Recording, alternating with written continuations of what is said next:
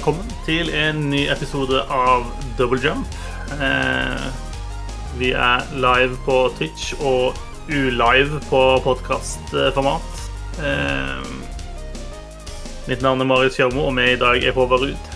Hei sann, sei sann. Og Gøran Solbakken. Eisann, sveisann. Den, eh, jeg føler den hilsen der, den er gjort. Eh, Det var ikke jeg som fant på den, nei. nei. Noen ganger så må man dra fram de gode gamle. Det er jo sant. Du mener at hilsena er på en måte litt sånn sykliske? Eh, Ja. Ja. Det, det er det å mote. Snart. Riktig. Snart så kommer disse bolebuksene tilbake, som vi gikk med på tidlig 90-tallet, tenker jeg. Mm. Er det noen gamle hilsener du tenker du skulle gjerne sett tilbake snart? eh? Er ikke så bevandret i historiske hilsener, altså. Mm, mm, nei, noe sånn ha 'hallo i luken' eh. Ja, Ja. der, ja. Mm. Nei da. Jeg, eh, jeg prøver meg på den klassiske ikke hilse på folk i det hele tatt. Bare Mm. ikke, treffe, ikke treffe på noen, prøver jeg, da. ja. Jeg har en sånn utfordring på jobben fordi vi, i de litt delvis midlertidige kontorlokalene våre så er det fryktelig, fryktelig lange ganger. Det er bare lange ganger. Alt sammen, hele bygget er bare lange ganger. Eh, Så du, du må møte på veldig mange folk, eh, bare du skal på en måte gå og hente kaffe, eller hva enn du skal for noe. Så det blir mye hilsing.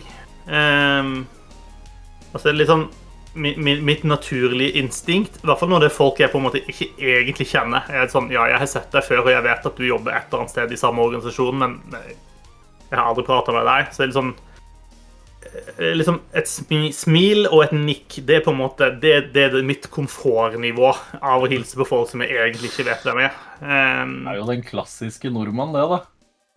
ja, altså, jeg skulle jo kanskje tro det, men det er på en måte Jeg føler meg litt sånn uglefett. fordi at eh, hvis jeg gjør det, så kommer det som regel alltid et hei til, til meg. Og da må jo jeg heie tilbake. Hvis ikke så ser du ut som en psykopat. Det var ikke du som eskalerte det, situasjonen, på en måte, da.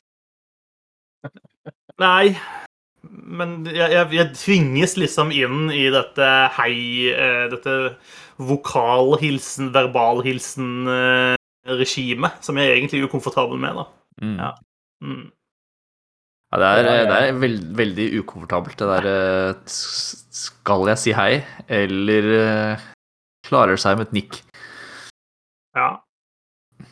Ja, for du men føler er liksom at når det er sånn Når det er noen du er sånn halvveis venner med, Mm. og så er det sånn skal jeg ta, er, det, er vi på handshake, eller skal du ha en sånn halvveis klem, eller altså blir det sånn Altså, det, det blir det Nei. Sånn sett så var koronaen veldig fin, for da sto du bare unna, og så nikka du til alle. Det var veldig, veldig enkle rammer å forholde seg til.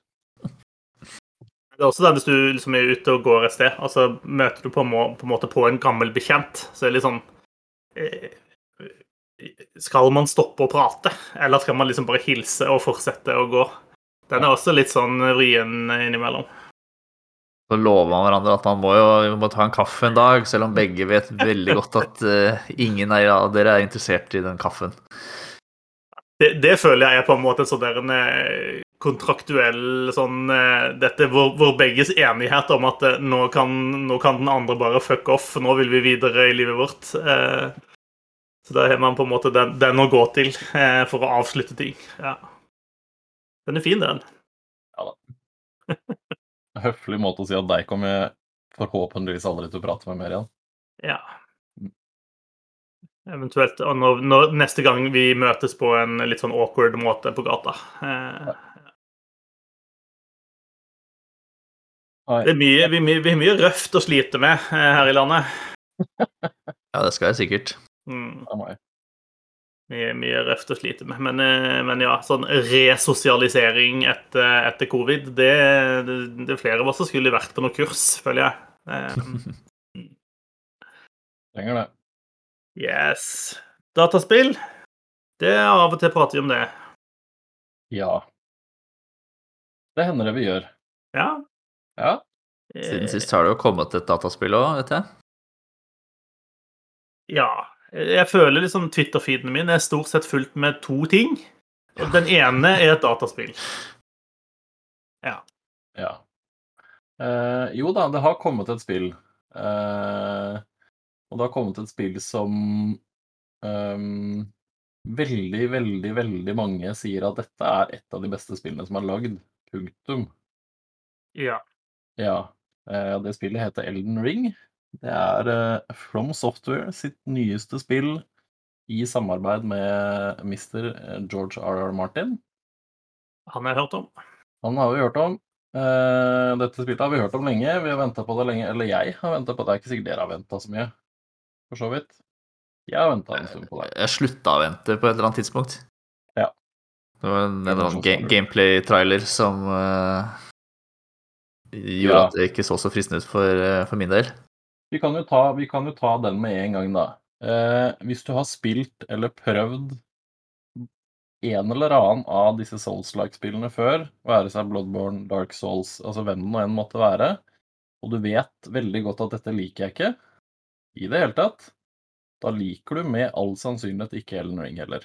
Selv om det er veldig, veldig bra, og det snur, snur litt opp ned på ting, og det er en åpen verden. Altså det er mye Det er nok lettere å komme i gang med, med Elden Ring, altså litt fordi det er et litt mer moderne spill, tror jeg. Men det er et Souls-like spill. Det er, det er det det er. Det er vanskelige fiender, du kommer til å dø en 100 000 ganger. Det er like forbanna vanskelig innimellom. Og du blir på en måte um, Ja, altså på en måte så blir du straffa når du dør. Fordi du starter tilbake der du var. Du må på en måte gjennom det samme, og hvis du skal på en måte beholde den derre currencyen eller erfaringspoengene eller sånn, så må du komme deg til liket ditt og plukke opp disse sjelene som du Eller jeg husker ikke hva de kaller det engang, i Elden Ring. Det er, det er den samme, nøyaktig den samme oppskriften eh, i en ny drakt. En nyere drakt. Så det er litt sånn jeg, skal ikke, jeg skal ikke henge ut Jostein fra Rad Crew på, på podkasten, men han tok det på seg å prøve prøve Ellen Ring etter alle de fine anmeldelsene. Eh, og han er jo vært veldig tydelig på at dette er ikke spill for han. Han har prøvd, jeg tror han har prøvd veldig mange av Dark Souls-spillene før. Har ikke likt de. Hoppa på hypen og tenkte det måtte han jo sjekke, og funnet ut at det, er, det er ikke noe faen i det hele tatt. Men det er helt fair. Det er ikke, det er ikke en type spill som passer for alle. Det, er- det skal det heller ikke være.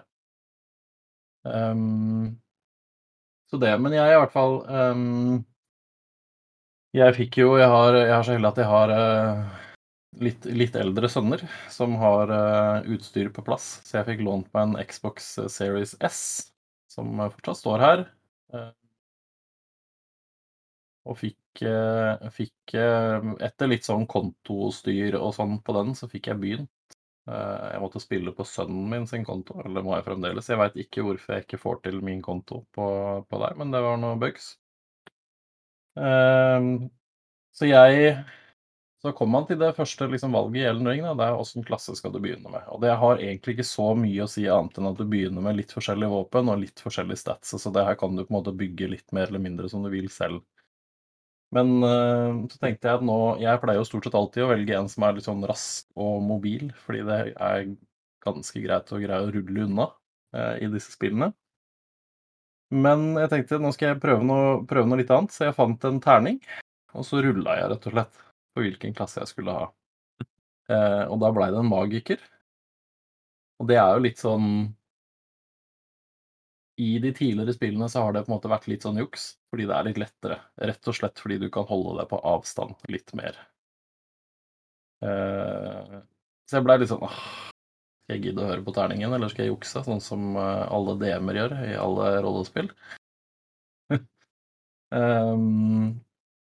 men jeg gjorde ikke det. Jeg juksa ikke. Så jeg eh, kjørte på, valgte magiker og hoppa ut i verden. Da altså, kan jeg på en måte, jeg kan gå gjennom første timen min. Da. Det er en veldig sånn, godt eksempel på hvordan, eh, hvordan Dark Soul, eller hvordan Elden Ring er, egentlig. Fordi du går gjennom en liten sånn introsekvens. Um, og så etter, etter ganske kort tid, egentlig altså Det er veldig sånn klassisk, eh, klassisk Souls. da Du møter noen enkle fiender, og så kommer du ut og så kommer du til en svær boss som du egentlig er ment å dø til. Den skal drepe deg. Hvis du er veldig god, så greier du selvfølgelig å ta den også, men i all sannsynlighet så kommer sikkert 99% av alle mennesker til å dø på den bossen, for den er veldig mye bedre, altså sterkere enn det du er, da. Eh, dør, og så våkner man opp, og så kommer man ut, og så er det liksom en åpen Rett og slett bare en åpen verden som ligger foran deg. Eh, og så spilte jo jeg denne nettverkstesten, og da gikk jeg på en måte mer eller mindre den retningen, for du har litt sånn Spillet guider deg lite grann. Du har en liten sånn path du kan ta altså via noen sånn eh, sånne bålplasser, egentlig, som på en måte skinner litt veien mot et mål. Ikke, ikke hele veien og ikke veldig spesifikt, men peker deg i en retning, da. Um, så tenkte jeg som så at nei, den, den retningen gikk jeg i nettverksessen, så nå tar jeg motsatt. Nesten motsatt. Uh, Istedenfor å gå nord, så gikk jeg da østover. Og så fant jeg noen ruiner i en sånn uh, liten, jeg veit ikke, en, en type sump eller et eller annet sånn. Uh, tok noen fiender der, altså døde et par ganger, da, for det kom en eller annen jævla mygg uh, av veldig stor størrelse som drev og stakk meg i ryggen mens jeg kjempa med noen andre, så da døde jeg et par ganger der. Eh, fikk rota meg ned i en kjeller i disse ruinene. Der sto det en kiste som så veldig fristende ut, så da åpna jeg den kista, og så var det poff, dette er en portal, dette er ikke en kiste. Og så ble jeg flytta til et helt annet sted. Eh, og etter en litt Altså det er ikke lange lastesekvenser, men de tar litt for lang tid, kanskje, på en Series S. Jeg tipper det kanskje er bedre på en litt annen maskinvare. Så dukker jeg opp i en krystallhule. Eh, så går det en sånn fiende liksom rett forbi. Jeg står inne i et lite sånt eh, hus eller en hytte eller noe sånt. Går det en fiende forbi, så tar jeg han ganske lett med disse magiske angrepene mine. Går ut, og da hopper det et sånt jævla beist et eller annet bare ned på meg. Som ser ut som en sånn krysning av tusenbein og skorpion og menneske eller et eller annet, og bare dreper meg. Eh, og så våkner jeg opp i dette hytta igjen. Og så har jeg da, skjønner jeg omsider at det var kanskje ikke ment at jeg skulle finne den kista nå, for disse finnene var også veldig mye sterkere enn det jeg var på dette tidspunktet. Um, så da brukte jeg vel en Jeg kan tenke meg jeg brukte en halvtimes tid på å komme meg ut av denne hula, for der hadde ikke jeg lyst til å være. Og sånne Er dette, store er, Er dette den jeg har sett på internett det har vært omtalt en sånn spesiell kiste som sender deg til et kjipt sted. Er, det den, den Det er den, ja. Det har jeg også funnet ut i ettertid, at det er den kista. Mm. Uh, så den kista uh, ikke, ikke ta den. Men det er jo uh, Jeg tror jo spillet på en eller annen måte på en måte, Den guider deg jo litt dit, for det er jo mange som har havna der Mm. av en eller annen grunn. Så det er sikkert et eller annet med Jeg vet ikke om de ruinene stikker veldig ut på denne sletta, eller hva de gjør. Men i hvert fall ut av denne kista så kommer du til en, eh, en litt sånn blod... Jeg tror den heter Blood Swamp, rett og slett. Eller et eller annet sånt. Og det er akkurat så fælt som det det høres ut som. Eh, For med en gang du på en måte dypper foten uti der, så begynner et sånt der blood meter å gå oppover. Og når den når toppen, så dør du ganske fort.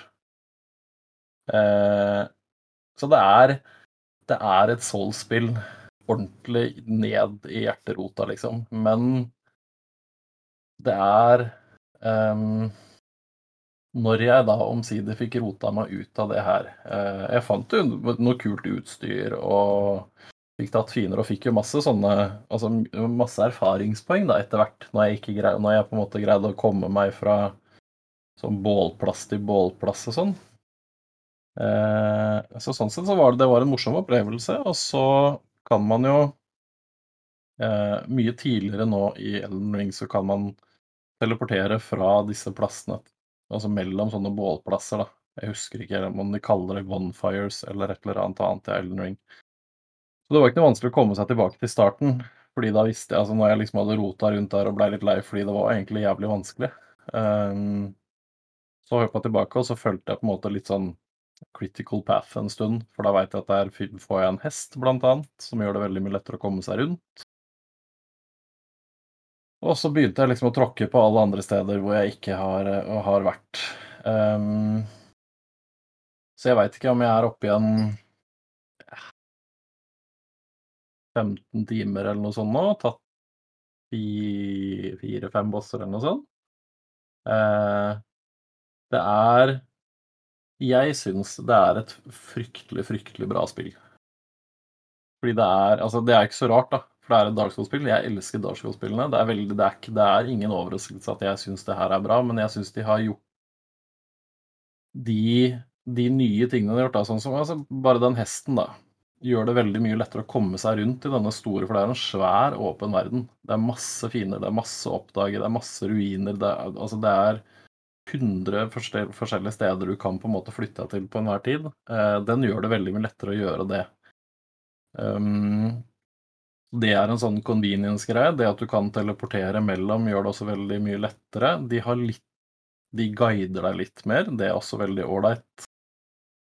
Eh, selv om man Altså, det er jo et åpen verdensspill, da, sånn som Horizon. Altså, du veit at du skal på en måte opp dit, men med en gang du snur deg litt til høyre eller venstre, så er det 100 kule ting å gjøre der. ikke sant? Så er det en hule der, og så ser du en stor fiende der, og så er det jo Du følger jo aldri den veien der før du har gått alle andre veier.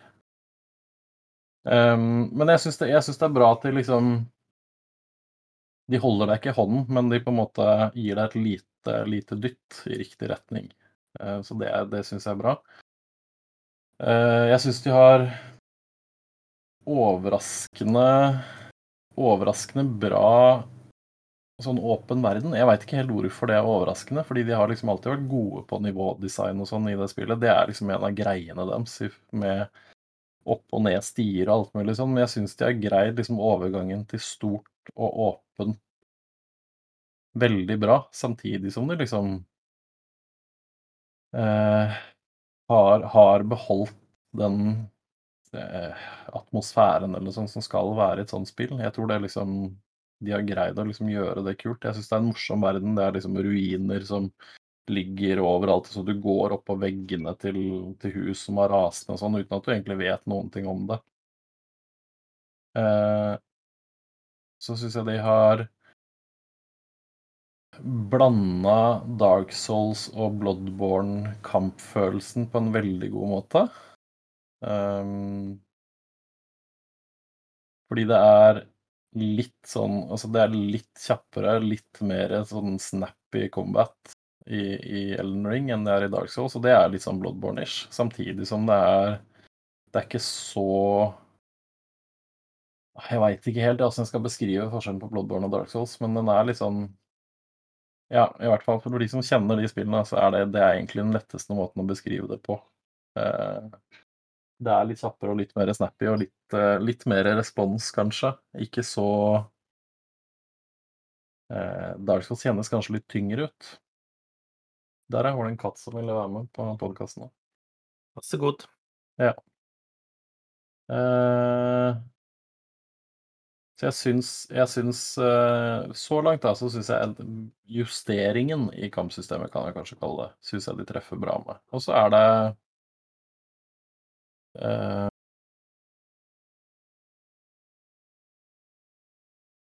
Ja. Nei, jeg tror det Jeg tror det blir gøy. Bossfightene er også akkurat så jævlig som man skulle forvente at de skulle være. Mm. Eh, så jeg er, veldig, jeg er veldig spent på hvordan det blir videre, men jeg vil altså jeg skal, jeg skal ikke dømme det før jeg er ferdig, men første 10-15 av eh, 45 timer eller noe sånt har jeg skjønt at det tar, er uh, veldig, veldig lovende. Det virker uh, Det virker veldig bra. Altså det eneste eneste per nå som jeg egentlig har å utsette på spillet, da, det er rent sånn teknisk, og det er litt dritt. Fordi det kjører eh, Det kjører akkurat sånn som Dark Souls-spillene kjørte før, og det er ikke bra nok. Det er ustabil framerate, tidvis litt dårlig, rett og slett. Eh, litt for lange lastetider. Det kjennes ikke ut som de har optimalisert det for next gen i det hele tatt. I hvert fall ikke når man sitter og spiller Horizon først, og så går det over til Elden Ring. Da kjennes Elden Ring faktisk litt gammelt ut, sammenlignet med altså rent sånn teknisk. Eh, Her kan det være at du spiller det på en, eh, en S. At det, Ja, jeg det kan bidra til det. Ja, jeg tror det. Altså, det er vel Jeg har vel skjønt det sånn at Xbox eh, har det tøffest. Og da har jo naturlig nok Series S sikkert det tøffere enn en X-en. Men jeg har også skjønt at det er eh, issues eh, over hele fjøla i forhold til stabilitet og, og framerates og oppløsning og alt mulig. Eh, Mm. Til og med på PC så er det issues. Så det er litt, eh, det er litt dumt. Så hvis du er litt sånn Hvis du er litt sånn halvveis på gjerdet, så, så hadde jeg kanskje hatt litt is i magen, rett og slett. Latt de fått eh, en patch eller to, så kanskje det blir litt bedre. Eh, Men det er ikke noe som hindrer meg i å ha det gøy med spillet. Det er ikke så gærent at det er sånn at det her orker jeg ikke å spille. Det er det ikke.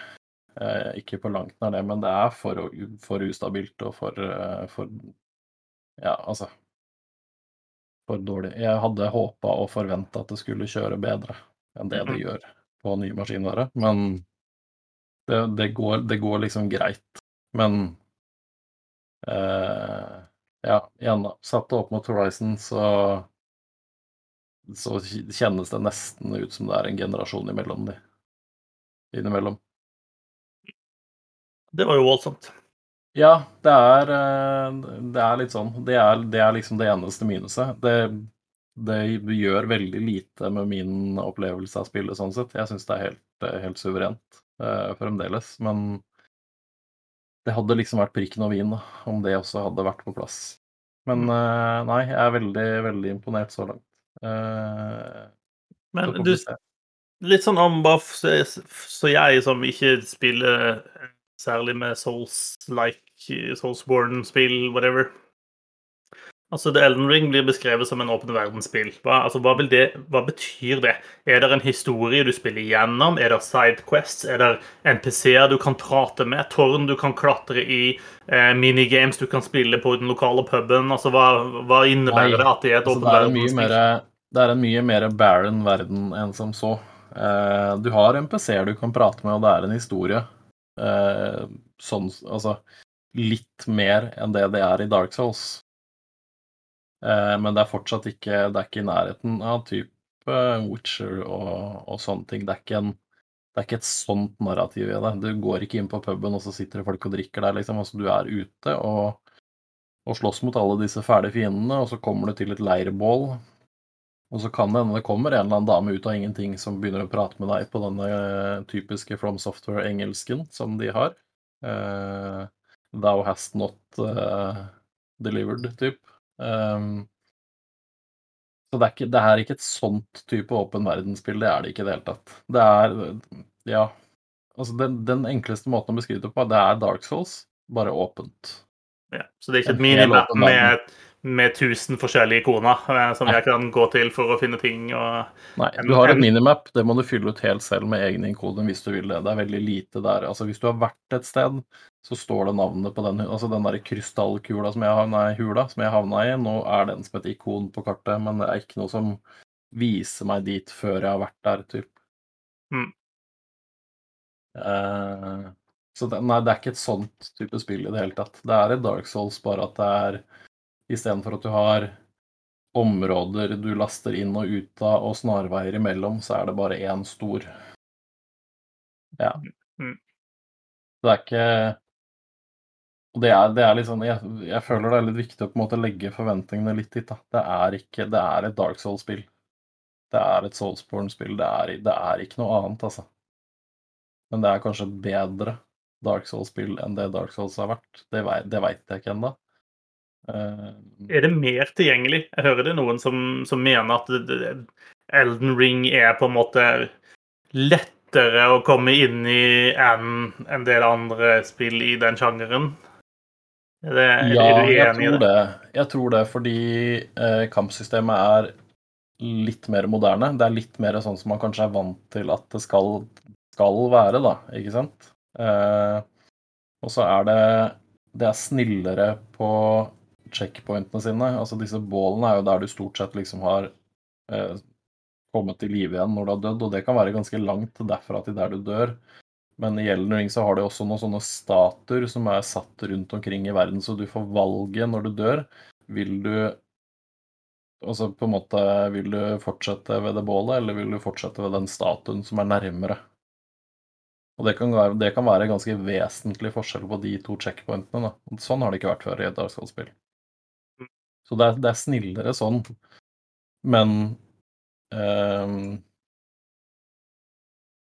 Ja, jeg, jeg, tror Av alle de spillene så tror jeg um, Jeg tror jeg ville anbefalt Bloodborne eller Elden Ring til noen som ikke har prøvd disse spillene før, og som på en måte er ute etter å liksom prøve litt men som ikke vet om dette er uh, sjangeren, så ville jeg sagt at Elden Ring eller Bloodborne er spillene hvor du prøver. For Bloodborne også er litt, litt lettere å ha med å gjøre. Mm. Takk. Ja, men greit. Ja, det er det er liksom ingenting ved Elden Ring som Eller beskrivelsen av Elden Ring som uh, fryser meg. Det er vanskelig bare fordi. Uh, åpen verden ut, nærmest uten noen pekepinn, som jeg, så jeg skjønner. Og jeg har lest et sted at det tar ni-ti timer før det blir gøy. Um, men sånn, så kan jeg jo heller ikke jeg blir, Bare toppkarakterer i øst og vest uh, som Man kan liksom ikke unngå å bli litt nysgjerrig likevel, da. Nei. Um, ja, nei, altså det er, ikke, det er, ikke, noe feil i det du sier. da. Jeg syns ikke, ikke, det tar ni-ti timer før det kommer i gang. Det syns jeg det gjør veldig mye tidligere. Mm. Eh, og det har, med, med unntak av den, den, første jævlig fienden, som er i de aller fleste av de spillene her, så er det, det, er, ganske, det er ganske greit. De, den første, den første liksom, områden du er i, er forhold ja, Hvis du ikke roter deg bort i den der jævla kista, da. Eh, så er det forholdsvis greit å, å, liksom komme seg inn i det i den første, hvis du liksom følger denne, denne, denne gule lystråden som spillet viser deg litt, da. Eh, mm. For da liksom kommer du ut, og så møter du på noen enkle fiender. Eh, og så hvis du går litt videre, så får du denne hesten. Og så, altså det, du får liksom litt sånn info. Det er en, en litt sånn snill veldig vag tutorial på en måte til spillet der. Um, jeg, men jeg syns ikke det tar ni-ti timer å komme i gang. Absolutt ikke. Men eh, jeg tror man må legge man må på en måte ha en litt annen innstilling når man begynner å spille et Souls-like-spill enn andre spill. Da, fordi det er liksom, altså, folk stanger huet i veggen og dør og dør og dør og dør. Um, så har du på en måte ikke helt Enten så er det ikke spillet for deg, og det er helt greit, eller så har du på en måte ikke helt uh, skjønt, skjønt, greia med det. For det er Jeg er helt enig i at det er en del av opplevelsen. Jeg er ikke enig i at de ikke kunne gjort det lettere. Men det får, det får på en måte være utvikleren sin, sitt valg om de vil det eller ikke. Men um, det er, det er, irriterende når jeg dør, men jeg syns aldri det på en måte er unødvendig irriterende. Da. Og det er veldig sjelden jeg taper så veldig mye på det. Fordi de erfaringspoengene de kommer såpass fort allikevel. Så det er ikke noe Altså, jeg mister egentlig ingenting annet enn å liksom tenke at ja, da må jeg prøve en litt annen tilnærming til det. Typ. Altså, det var litt sånn Sånn sett så er det kanskje litt eh, og det er en veldig rar sammenligning. Litt mer likt sånn type Celeste, der du liksom du hopper og hopper og hopper og prøver, og så skjønner du at du må trykke, og så må du opp der. Altså du på en måte løser et nivå, da. Det gjør du på en måte litt i Dark Souls eller i Elden Ring også. At du på en måte Du vet at du går den veien, men hvis du går opp den og så følger på en måte stien der, så vet du at der er det veldig mange fiender, men hvis jeg prøver å gå til venstre og snike meg rundt, så er det lettere, for da kan jeg ta ut han fyren med den kanonen først. Altså du finner på en måte løsning til, til de ulike sekvensene, da. Eh, og, og bossfightene er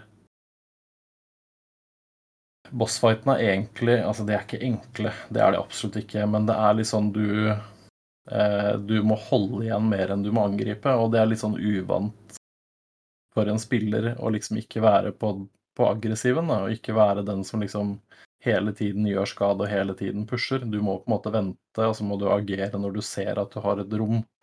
Og så må du egentlig gå tilbake, og så er det på en måte Det var noen som beskrev det som en turbasert kamp i Elden Ring.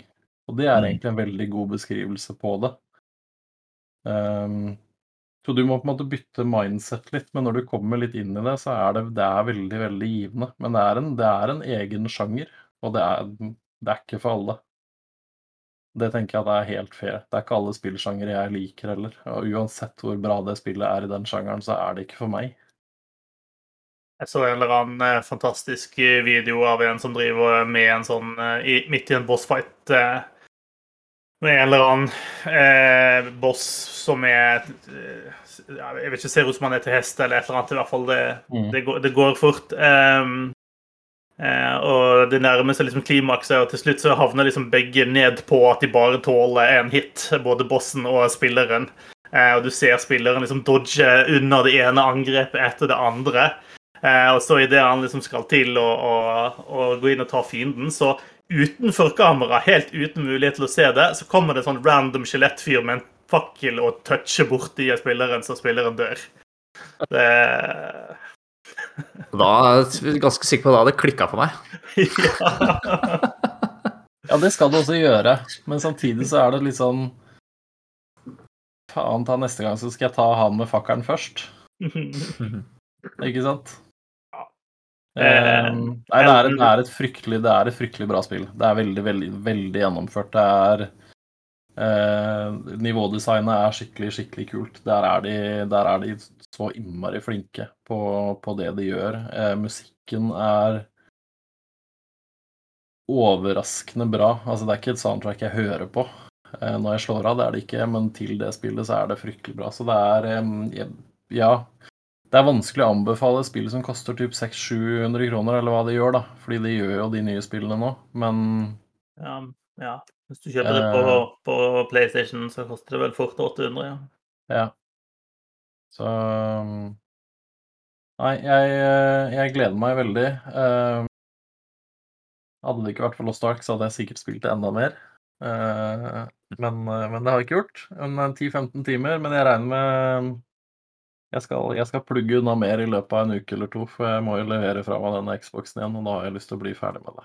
Det er, det er skikkelig, skikkelig kult. Det er det, altså. Det er veldig kult. Men Ja. Få spilt, spilt mye Elden Ring mens du sitter i login-kø på Lost Ark, si. ja. eh, Jeg har lært meg disse køene nå, så nå, dette går helt fint. Nå er det jo nesten halvert også. Nå er, det jo, nå er vi nede på sånn 8000-10 000 i prime time. Så Elden Ring har kommet og gjort et eh, godt innhugg i akkurat Ja. den. Jeg er nok sikkert det. For øvrig, i skrivende stund så har PlayStation 5-versjonen av Elden Ring har en Metacritic score på 97. Ja. Det, er det kan jeg på en måte skjønne, for jeg tror ikke jeg tror ikke det er så mange anmeldere som ikke liker Souls-like, som har anmeldt det spillet. For jeg tror du vet at du liker ikke. Det er ikke noe poeng at en som, som, som aldri har likt From Software-spillene, går inn og så anmelder dette spillet, da. Men hadde det vært litt interessant å høre hva en som er uerfaren, hadde, hadde sagt om det. Hvis man er liksom førstegangsspiller i Elden Ring, så hadde det hadde vært det gøy å høre. Mm. Absolutt. Eh, men eh, nei. Man må jo nesten bare prøve, da.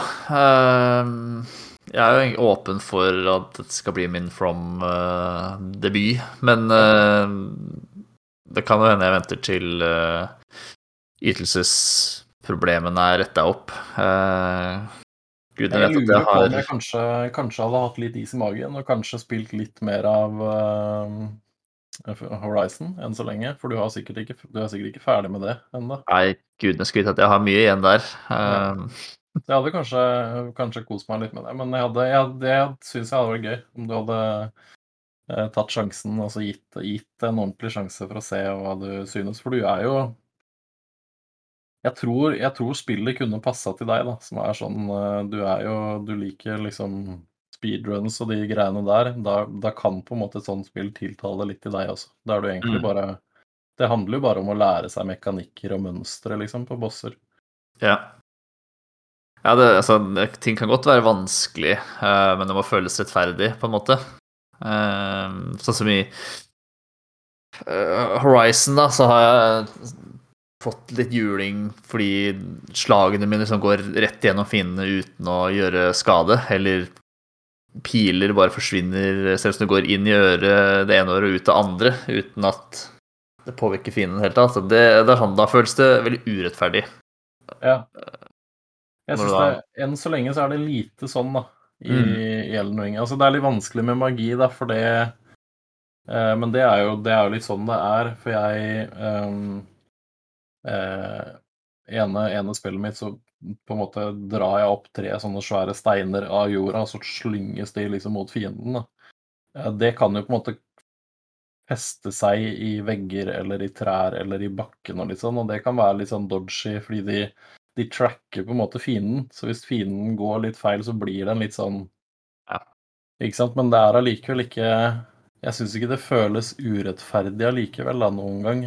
Um, og og det er, sånn, det er veldig kult, men samtidig veldig demotiverende å se på de som gjør speedruns av de spillene her, fordi de Altså, du går gjennom hele spillet uten å, uten å treffes engang. Altså, det er det jo Det er det vel en norsk, norsk eh, jente, dame, som også har gjort det der. Og spilt gjennom hele spillet uten å bli truffet en eneste gang. Og det er jo et, et urettferdig spill, så går jo ikke det. Nei. Nei, det hvis du liksom sammenligner det liksom vanskelighets øh, Vanskeligheten kan liksom sammenlignes med Celeste, da, som jo heller ikke er et veldig enkelt spill, men det øh, handler bare om øh, å prøve og feile uten å miste altfor mye progresjon hver gang du faller i avgrunnen. Så Ja, altså, de spillene er såpass, de er såpass mekaniske. Da. Altså, jeg så Det er jo det er, Sånn som det er Sekiro under den derre Det var ikke Summer Games, men den andre som var nå, der han spiller det med, med, bind for øya, liksom. mm, Altså, de, det, det er såpass mekaniske da, at du kan på en måte trigge ting bare ved å høre hva bossen gjør, så vet du at da kan du dodge sånn og sånn, og så kan du snu deg, og så kan du slå. Så det handler jo egentlig bare om muskelminne hele veien, ikke sant? Mm. Eh, jeg satt og så litt på han, det er en svenske som heter Elias eller noe sånt. Han drev og spilte mye Dark Souls eh, og kjørte speedruns. Og han han sitter jo og leser chatten mens han fighter en boss. Fordi han kan hele hvis han, han vet at hvis han går dit og dit, så vet han akkurat hva han skal gjøre til enhver tid for å ikke bli truffet av bossen en eneste gang. Så han kan jo på en måte sone ut i bossfighten mm. eh, innimellom. Det er, det er veldig fascinerende og det er veldig gøy. Så jeg tror Jeg tror det, det kunne ha passa, men samtidig, altså Ja. Det er From Software. Det er det. Mm. Det er et sånn type spill allikevel. Så Nei, men jeg koser meg. Så det. Men jeg må, jeg må Altså, jeg har eh, Jeg må prate litt om Lost Ark for det har ikke jeg gjort på podkasten ennå. Ja, det Det høres ut som om du liker det. Det er jo et spill som mer eller mindre har tatt over livet mitt. Eh, det har det. Skal vi se. Eh, nå er det mye kø, da. Men i dag Jeg tror, jeg tror det er 20 dager siden det kom nå. Jeg mener tidlig tilgangen begynte 8. februar. Og så ble det slipp fredag 11. februar. Eh, jeg har 180 timer i det spillet nå. Vis, novis. Eh, nå er Altså, jeg Hvis jeg skal være litt snill, da, så kan jeg tenke meg at i hvert fall 50 av de timene er en blanding av enten kø, eller at jeg har stått inne i spillet uten å gjøre noe. Det blei en del av det, spesielt, eh, spesielt i starten når jeg skulle For jeg skrev anmeldelse på, på Gamer eh, for Lost Ark, og da var det jo så inn i helsike mye køer. Det var det ikke sant? Nå er, det jo ned, nå er vi jo nede i sånn typ 8 10 000, og da var vi på 25 000. Så da var det snakk om at du sto 6-7-8 timer i kø for å få spilt det spillet. Og da ville ikke jeg gjøre det, så da holdt jeg meg heller logga inn. Mm. Med hjelp av sånn type eh, remote desktop-varianter og sånn, ikke sant. Sånn at man ikke blir logga ut. Men uh, ja. Det, det Jeg visste jo at jeg likte det spillet, for jeg har jo spilt den koreanske versjonen, og jeg har spilt den russiske versjonen. Ikke, ikke så mye som jeg har aldri kommet så langt som det er nå, men uh, holy shit, det er et bra spill, altså.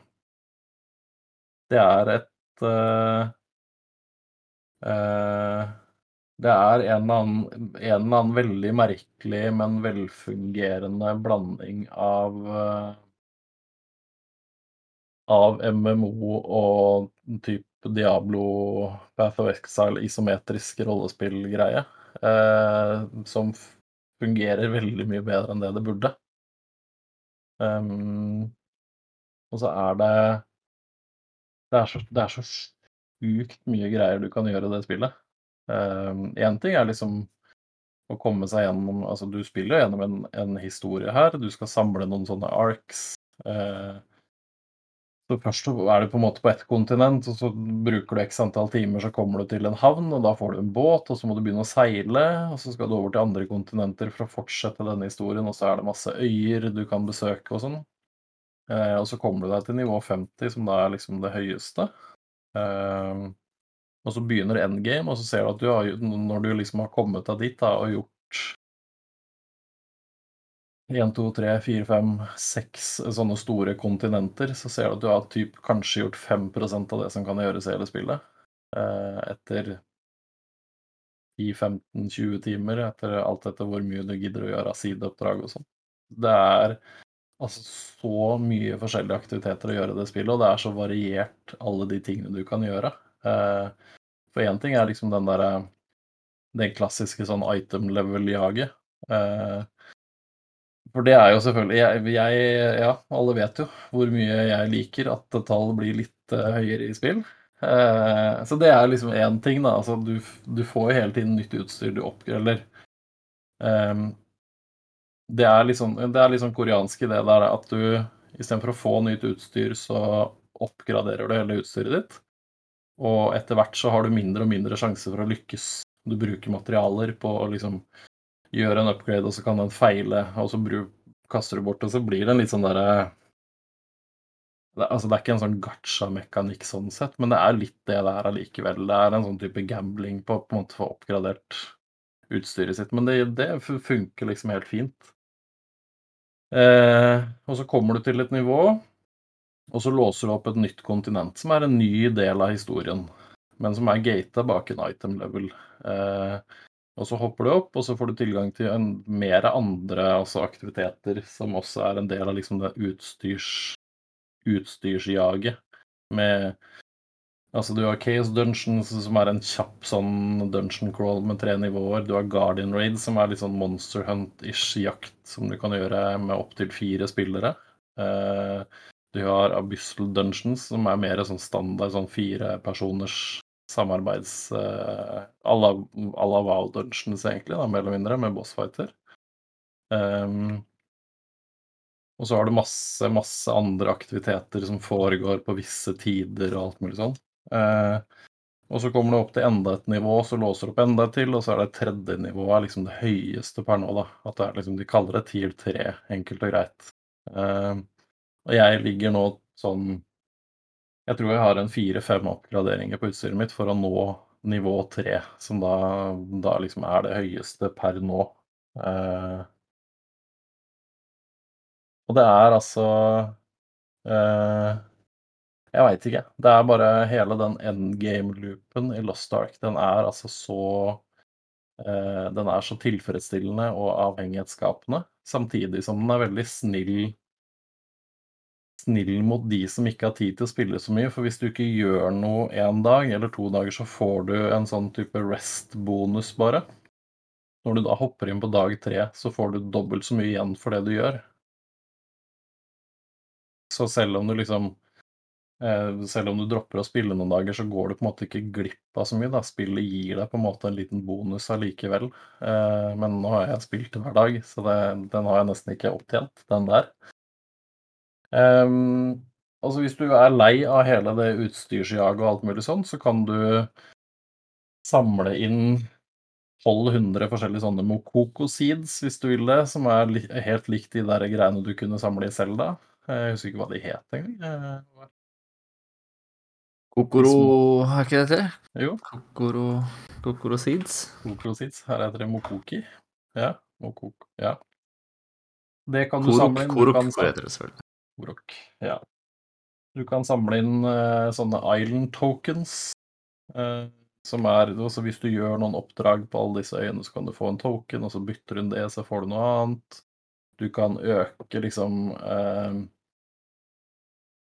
Det kalles rapport. Det er sånn type reputation med hundrevis av MPC-er rundt omkring i verden som gir deg noe greier. Du kan Altså, det, det finnes så mange andre sånne aktiviteter. Du kan gå og plukke blomster til du blir grønn og blå, eller hogge ved, eller selge ting på et auction house. Altså, det er altså så mye forskjellige sånne aktiviteter som bare drar deg inn.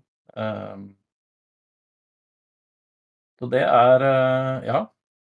Jeg er redd jeg kommer til å prate mye om Lost Ark den neste tiden også. Ja, du har klart å bruke mer tid på Lost Ark på 20 dager enn jeg har brukt på Force Horizon 5 på tre måneder eller noe sånt, så Jeg veit ikke. Det er litt synd Det er litt synd at det har vært så mye sånn greier. Altså, jeg har selvfølgelig ikke spilt i 180 timer. Sånn eh, aktiv spilling, det har jeg ikke. Men eh, ja, Selv om du trekker fra de 50 timene du anslår bare er AFK, da, så tror jeg du har mer enn jeg har i Force Horizon 5. ja, det er, eh, det er veldig, veldig lenge siden jeg har spilt et spill så mye over så kort tid som jeg har spilt Lost Ark. Og jeg er ikke, jeg er ikke i nærheten av lei, liksom. Høres ut som vi skal få noen eh, bra diskusjoner på Goti-sendinga i eh, neste januar. Har, eh, tanken har slått meg. Tanken har slått meg.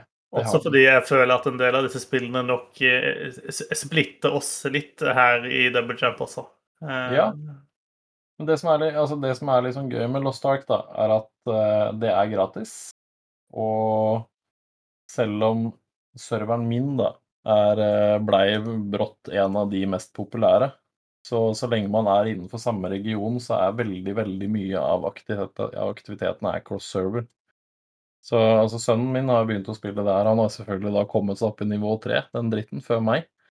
Eh, Det irriterer vettet av meg, og han er veldig flink til å gni det inn eh, hver gang vi spiller sammen. Men vi, vi kan spille sammen selv om han er på en annen server, nesten uten kø. Så gjør vi liksom alle disse garden Raids og sånne ting, kan vi hoppe inn og gjøre sammen. Og vi kan liksom booste disse alle, eh, alle alternative karakterene våre som vi også har lagd. For jeg har jo ikke én, jeg har jo seks figurer nå. Selvsagt, selvsagt har du seks figurer. Mm. Ja. Det er en del av jeg skal, ikke, jeg, skal ikke, jeg skal ikke nerde så mye med det at jeg forteller hvorfor man gjør det, men spillet er liksom lagt opp litt til at du skal gjøre ting på flere figurer, da. OK. ja. For å booste, booste hovedfiguren din, eller hva det måtte være. Det er veldig snill sånn, så du må liksom ikke Når du har kommet opp til nivå 50, så får du to, to power passes, som det heter, som bare insta-booster to figurer til øverste nivå, så du kan begynne på samme sted. Ok. Slipper å gå gjennom historien, da. Det er jo litt uh, kult. da. Ja. Du slipper, er- slipper å grinde så, så mye. Ja, du gjør jo det. Du slipper hele den greia der, og så begynner du rett og slett med det som er ordentlig moro. Um, Og så vet jeg jo at det er um, Den koreanske versjonen har jo uh, masse, masse, masse mer innhold og flere karakterer og figurer, flere klasser enn det som er i enda EU-versjonen, så det er masse innhold på vei også. Eh, men det er um, jeg, har spilt, jeg har spilt mange MMO-er og mange sånne typer spill eh, ved launch nå. Jeg tror ikke jeg har vært med på et sånt spill som har hatt så mye innhold eh, som det spillet her er ved launch. Faktisk. Um, så det merkes jo at det har vært ute noen år allerede. Det gjør det. Det, det drar jo litt nytte av at det er et tre år gammelt spill, selvfølgelig. Men Nei, det er gratis. Du trenger ikke å bruke noe penger for å komme like langt som de som bruker penger. Det er bare å hoppe inn. Skal jeg guide dere?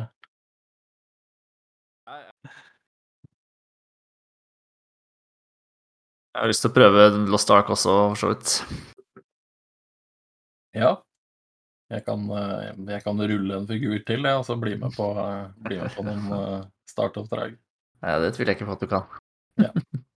Nei, det er Ja. Nei, igjen, da. Jeg, jeg, jeg visste at jeg kom til å like det, for jeg har jo testa det. Så det, det visste jeg på en måte på forhånd. Men at Mm. det skulle bli sånn, det den hadde jeg ikke helt sett komme. Men det er Nå har jeg snakka om alle andre tingene, men det er liksom kampsystemet som gjør at det er så kult som det det er.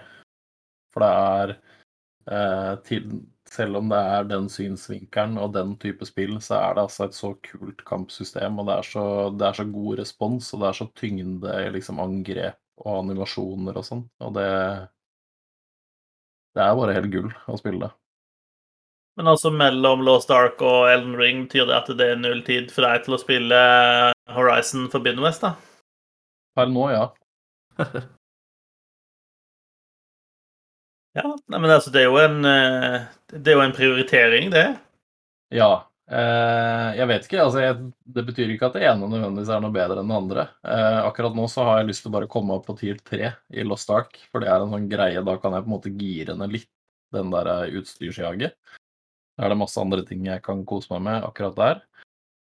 Eh, og så er det litt sånn tidssensitivt i forhold til den Xboxen. Ellers så hadde jeg nok um, spilt mer Horizon, for jeg syns jo eh, Det jeg har spilt av Horizon så langt, så er det Det var litt sånn som dere sa forrige uke, egentlig. At det kjennes ut som det bare er mer og kulere enn det forrige. Mm. Altså ny, nyere og freshere, og, men at det er akkurat det man hadde håpa at det skulle være. Mm. Og det er, virkelig, det er jo virkelig et neste generasjons eh, spill, eller denne generasjons spill. Eh, I måten det ser ut og oppfører seg, og animasjoner og flyt og alt mulig, så er det jo Det er jo bare superdigg å spille det spillet. Ja, definitivt. Og det er i, i hvert fall nok å henge fingra i, eh, i det spillet også. Jeg har, jeg har ikke hatt tid til å spille så mye siden sist, men eh, jeg har fått liksom beveget meg litt lenger inn i The Forbidden West og uh, hacka min første tallneck, uh, som uh, låser opp kart eller eh, viser eh, skal si, fjerner eh, skyer da, fra kartet, sånn at du ser hva som er eh, i området rundt deg. Og eh, det er så mye prikker og, liksom sånt, og ting som viser hvor, eh, hvor det er ting å gjøre, uh, som dukka opp da jeg tok den tolvnekken. uh, at jeg ble nesten litt uh, svimmel. Um, og bare enda mer sånn ja, jeg vet at neste hov- hovedoppdrag er mot nord, men se på alle disse spørsmålstegnene og tingene i sør. Um, så spørs om det er en stund til neste jeg gjør neste hovedoppdrag, for å si det sånn. Som jeg kanskje ikke burde gjøre, fordi en, jeg oppdaga en ting som irriterer meg litt med det spillet. Det er at mange av Det er veldig mye spørsmålstegn um, på kartet som er type Når du kommer borti det, så er det sånn huler, eller blokkerte huler ofte, da, eh, og ganger og sånn, som du trenger et eller annet utstyr eller eh, en eller annen evne for å komme forbi. Og eh, jeg tror liksom så langt er nesten hvert eneste spørsmålstegn jeg har kommet til, vært noe som jeg ikke får utforska nå, fordi jeg har ikke det utstyret som trengs. Og det irriterer meg litt at, at alle er sånn, for det betyr jo bare at det blir jævlig mye backtracking på et eller annet tidspunkt.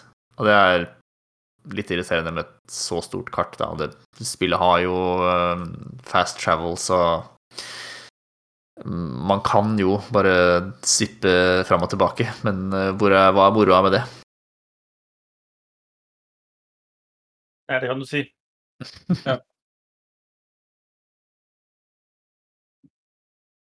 Men bortsett fra det, så, så er det et knallgodt spill, altså. Det er for mange gode spill ute og går om dagen, rett og slett. Ja, Ja, vi det visste er at februar skulle bli sånn. Det litt så vi vi, lenge.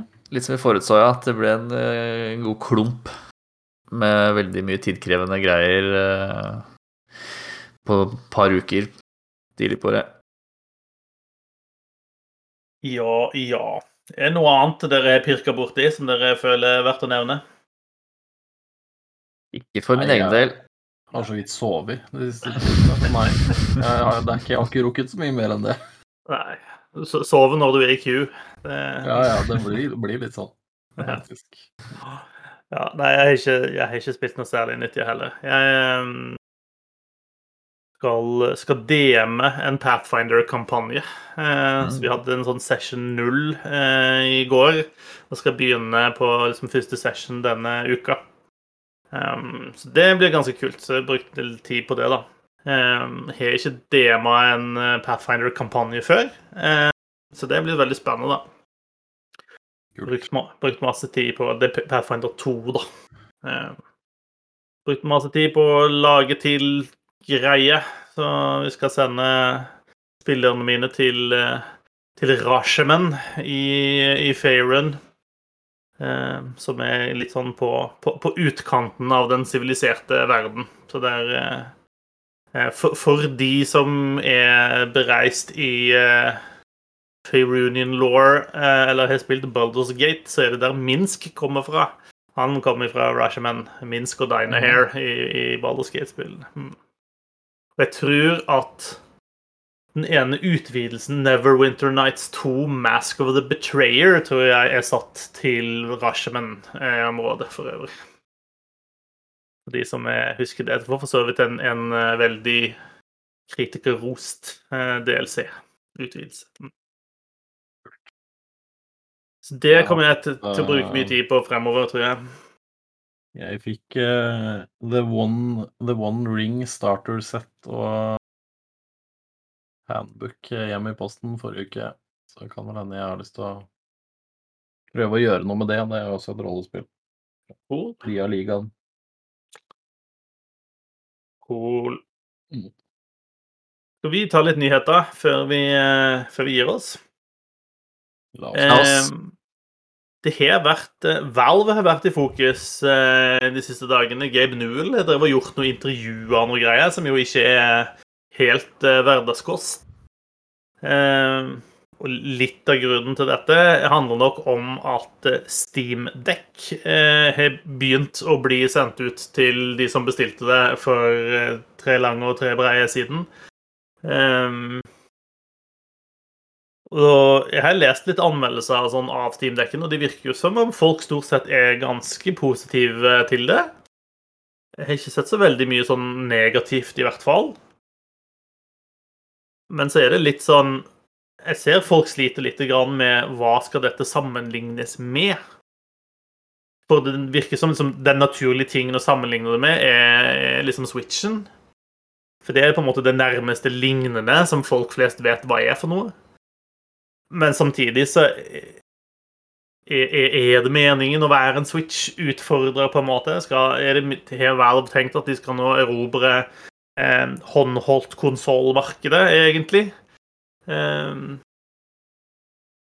det, det beskrives jo nesten i like stor grad som en slags Altså, det er en, det er en gaming-PC, bare en du tar med deg, på en måte. Eh, Ja. og at du har, har jo hele Steam-biblioteket ditt eh, tilgjengelig. Eh, de er veldig eh, Veldig på å understreke at eh, det er en, en åpen plattform, så selv om den på en måte kjører dette Steam-operativsystemet sitt, så er det fullt åpent til at du kan boote opp vanlig Linux, eller du kan, du kan installere en, en Windows-versjon på det. Eh, og, og gjennom det så kan du da kjøre spill fra alle andre storefronts og, og på en måte alle konkurrentene til Steam, da, inkludert, eh, inkludert GamePass.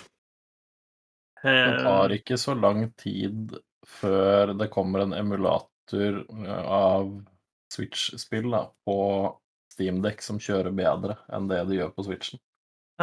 Nei, det får vi se. Det er i hvert fall masse emulatorer er i hvert fall tilgjengelig som kan spilles allerede. Det er vel jeg tror det er, no, tror det er noen emulatorer i Steam, eh, faktisk, eh, som du kan, kan rulle inn også uten å, å installere noe annet operativsystem på den. Eh, og den virker til å ha overraskende OK batterilevetid også, til, med tanke på at du jo spiller spill i, i så relativt bra spill i relativt bra oppløsning og sånt. Så er den, den er vel fortsatt ikke tilgjengelig i Norge, eller? Den er ikke tilgjengelig i Norge, det den ikke, og den er vel sånn rent For alle praktiske formål er den vel ikke tilgjengelig noe sted, fordi den er vel, den er vel utsolgt eh, i, eh, all fremskuelig fremtid, holdt jeg på å si. Men, Ja. eh, men eh, som, som norsk Steam-bruker så får du ikke lov til å, å forhåndsbestille eller ja, legge inn en ordre på den i det hele tatt. Det gjør du ikke. Men jeg fikk lyst på en, da, eh, etter å ha lest eh, anmeldelsen og sånt. Eh, Jeg kjente at dette åh, Jeg har litt lyst på det, altså. Du så for deg liksom Crusader Kings 3 på bussen, du, nå? Ja, fast på Bybanen. Ja. Ja. ja. Tenker vi kan gjøre mye mm, sånn ifra Om et drøyt Om et eh, kort år så, så flytter jobben min fra der de er nå, og tilbake igjen til sentrum. Eh, Og da, da blir det en sånn der en liten halvtimes commute eh, hver eh, dag. Da hadde det vært greit med en sånn en på innerlomma, ja. Hadde det. Du rekker, du rekker et par Chaos Dungeons på vei hjem da, i Lost Ark. Kanskje Guardian Raid, da. Det også er jo på Det, kommer, det, tenk- det har jeg ikke tenkt eh, på før, men det også er jo på Steam. Ja. Tenk det. Du trenger aldri logge ut eh, hvis du har skaffet en sånn en hjørne. 24-7, vet du. Ja. Fy fader. ja. Um, i, I samme i anledning Steamdeck-slipp så har også Valve annonsert et nytt spill. Eh, Som jo ikke Valve gjør eh, så veldig ofte. Eh, men det er da et spill som heter så mye som Aperture Desk Job, som er gratis, eh, og som slippes til Steam eh, i, i morgen, altså 1. mars. Eh, og det kan hvem som helst laste ned. Og så skal det funke på PC også. Eh, men de, de understreker at det er på en måte optimalisert for Steam-dekk, da. Eh, og det er et spill som er satt til Portal-universet. Uten å være Portal 3. Uten å være Portal. Det er veldig viktig at man ikke lager treere eh, hvis man heter Valve, fordi sånt driver man ikke på med. Det gjør det Lag, ikke. vi lager, du får to, og that's it. Jupp. Vi driter i om vi har liksom den beste spillserien i verden. Vi lager to, og så er det slutt. Yep. Øh, ja, ja, nei, hvorfor det har blitt Det har jo blitt en greie nå, så nå må de jo bare fortsette med det. Um, De kan jo ikke lage, de kan jo ikke lage Half-Life 3, de må bare hoppe rett på 4. Ellers så må de gjøre sånn som alle andre og bare kalle det Half-Life igjen. øh, Vi var, var vi ikke forbi det nå. Eh, ja. Eh, men mens eh, den godeste Gaben, Gabe Newell, har vært ute og gjort det intervjuet, så har han også blitt spurt om dette med GamePass. Eh, også fordi at det har kommet frem at det er mulig å få tilgang til GamePass på Steam-dekken. Eh, og han har svart på spørsmål om dette. Han har blitt tatt, blitt tatt spurt på hva, hva eh, Valve tenker om den modellen, og om Valve ser for seg at de kan gjøre noe sånn. Altså de kan lage sånn abonnementstjeneste på Steam, et Steam-pass, om du vil. Um, hvorpå han svarer at det, det tror han ikke er veien å gå for Valve. Samtidig så sier han at uh, han ville vært interessert i å få, få Microsoft sitt GamePass på Steam. Uh, og vil være interessert i å jobbe med Microsoft for å få det til. Eh, og det tenker jeg jo er ganske interessant. Vi ser jo at Microsoft på en måte beveger seg veldig i den retning av å være tilgjengelig på alle plattformer. Um, Bethesda uh, annonserte ganske nylig at de skulle legge ned sin egen launcher og heller bare slippe spill direkte på Steam i stedet. Um, og så er det noe sånn, så vidt jeg skjønner, så er det en del sånn tekniske ting som er utfordrende, fordi per nå så er altså det er ulike versjoner av spillene eh, som er i, på en måte Windows GamePass og som er på Steam. Eh, for de krever litt forskjellige ting, så det er to helt separate forskjellige versjoner av spillene. Så det må på en måte gjøres en del et eller annet jobb eh, for å på en måte skulle komme i mål og få til en sånn ordning. Eh, det var ikke noe som tyda på at dette var noe som kom til å skje med det første, men eh, det virka som om mm, Valve og Microsoft hadde allerede hatt en del kontakt om dette tidligere, og at eh, Gabe syntes at dette hørtes ut som en god idé. da.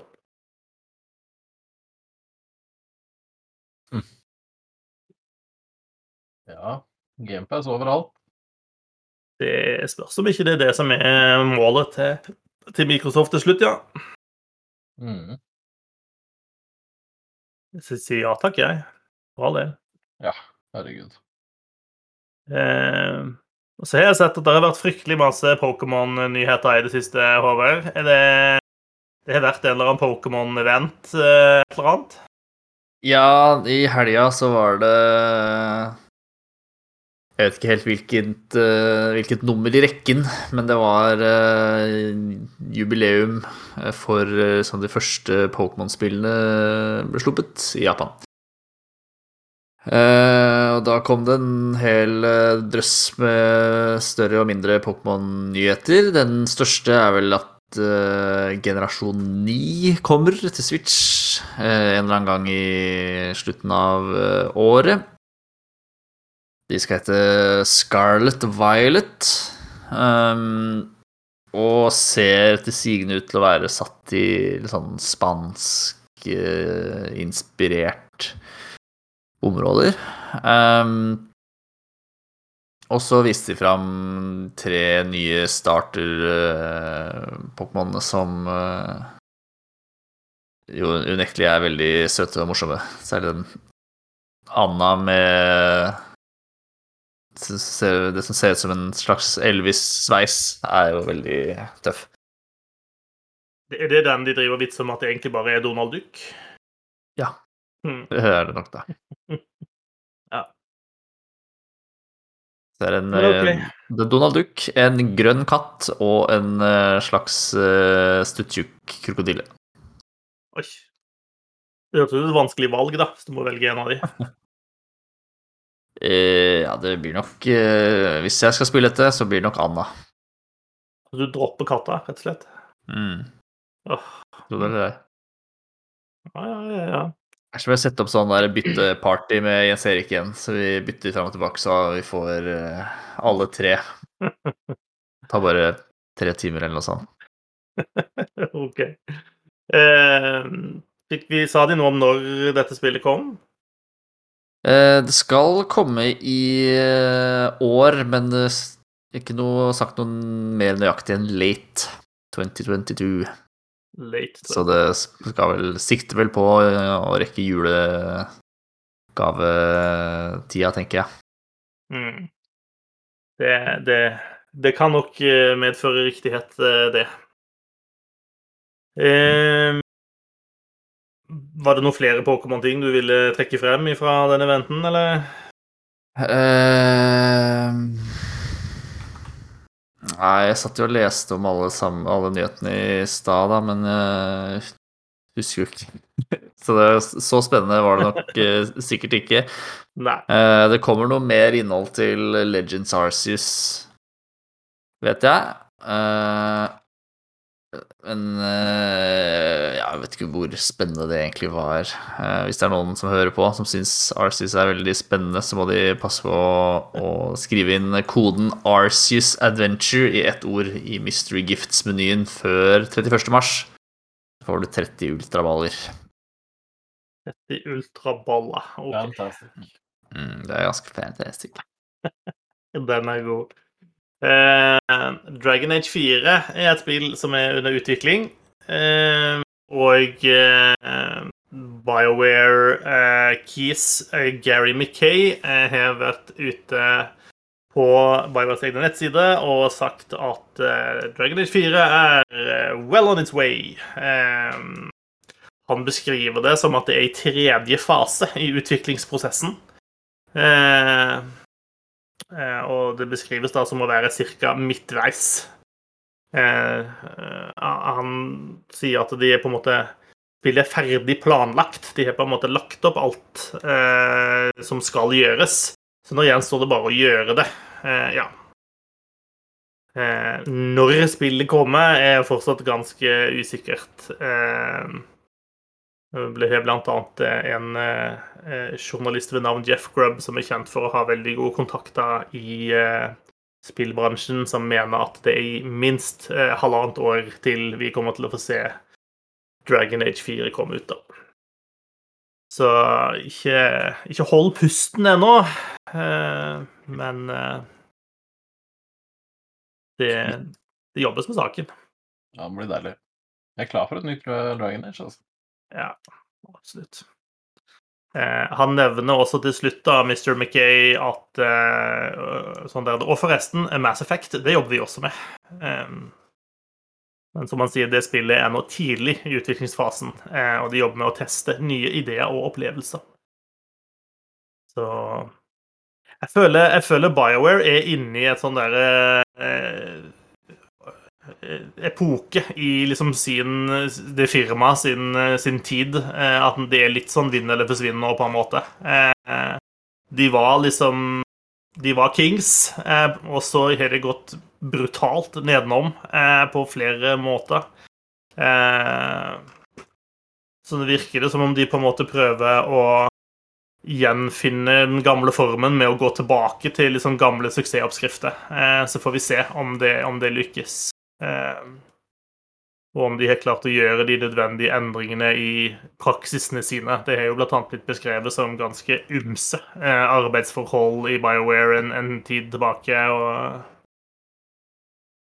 eh, De har jo slitt med disse forsøkene på å gjøre spillene sine om til sånn Games as a Service-spill og sånt, som ikke har vært spesielt godt tatt imot.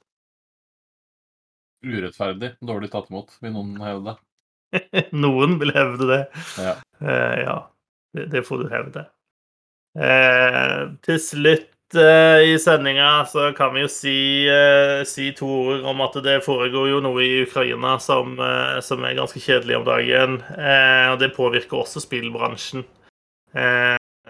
Russlands invasjon av Ukraina påvirker jo spillutviklere i Ukraina spesielt. Eh, men eh, det er klart det sitter også noen i Russland og lager spill som, eh, som opplever utfordringer, for å si det sånn, med, med hele den politiske situasjonen. Blant annet GSC Game World, som er utviklerne av, av Stalker-serien blant annet, og holder på med, med Stalker 2. De har de er et ukrainsk selskap, har hovedkontorene sine i Kiev. De har brukt sine medieplattformer til å spre awareness om det som foregår. De har linka til hvordan du kan hjelpe eh, Ukraina eh, i kampen. Eh, så hvis du går til Stalker 2-nettsidene, så, så, er det der en stor banner med hvordan du kan hjelpe The Armed Forces of Ukraine. Hvordan du kan, kan, sende penger, diverse hjelpeorganisasjoner osv. Eh, de har Det er vel naturlig å tro at de ikke akkurat driver med aktiv spillutvikling om dagen eh, i, i, Kiev. Eh, så om den Om, eh, om Stalker 2 kommer ut 8.12. Eh, som planlagt, det, det, blir på en måte ikke så viktig eh, oppi, oppi alt for å si det sånn. Det er flere, flere, andre ukrainske spillutviklere som, som, er i samme båt. Det er, er, noen spillutviklere som, som har drevet og jobbet med en sånn midlertidig relokalisering. Prøver liksom å flytte teamet sitt ut, uh, ut av landet. Uh, og så har du disse Hva er de heter? De som lager Metro Exodus. Uh, de, de valgte jo å flytte ut tilbake i 2014, eh, når, når, Russland først begynte eh, sin, Eh, sine militære operasjoner eh, i, i, Ukraina. Eh, så de, de, er ikke lenger situert i, i, Ukraina. Jeg tror de holder til på Malta, hvis jeg husker riktig. og så sitter det noen på andre sida og lager spill. Det kom en melding ut her, jeg tror det var i dag, fra Owlcat eh, Games, eh, som jeg følger ganske tett. De lager disse Pathfinder-spillene, som jeg er ganske glad i. De har hovedkontoret sitt i Moskva. Eh, de har vel gått ut og sagt at eh, de viser til de tragiske hendelsene Eh, og så sier de på en måte ikke noe veldig mye mer spesifikt om hva det er de sikter til, men det, det skjønner man jo. Eh, og så sier de at de, de, kommer til å slutte å poste ting i sosiale medier. De mener at det vil ikke være riktig at de skal eh, De vil holde en lav profil, rett og slett, eh, det de sier da. Eh, så de kommer til å fortsette å jobbe. Eh, og så sier de også at de får ikke sendt ut fysiske ting lenger, fordi eh, bl.a. deres samarbeidspartner i UPS har stoppa all shipping fra Russland. Eh, så de som venter på Collectors Editions og sånt, de må nok dessverre vente en, en stund til, til eh, noe løser seg der. Det er litt sånn touchy eh, De henviser liksom til det som betyr noe her i livet. Familie, venner, kollegaer, eh, health and safety. Det virker som om de prøver ganske hardt å unngå å si noe som skal gjøre verken den ene eller den andre eller den tredje hissige på noen måte, da. Ehm, jeg vet ikke hvor lett det er om Og, og jeg vet ikke helt om de klarer det heller, på en måte, å balansere den, den linja. Det Men eh, det sitter nok flere eh, selskaper av ymse slag borti Russland som eh, har trøbbel med hvordan de skal på en måte prøve å manøvrere den situasjonen. Ja.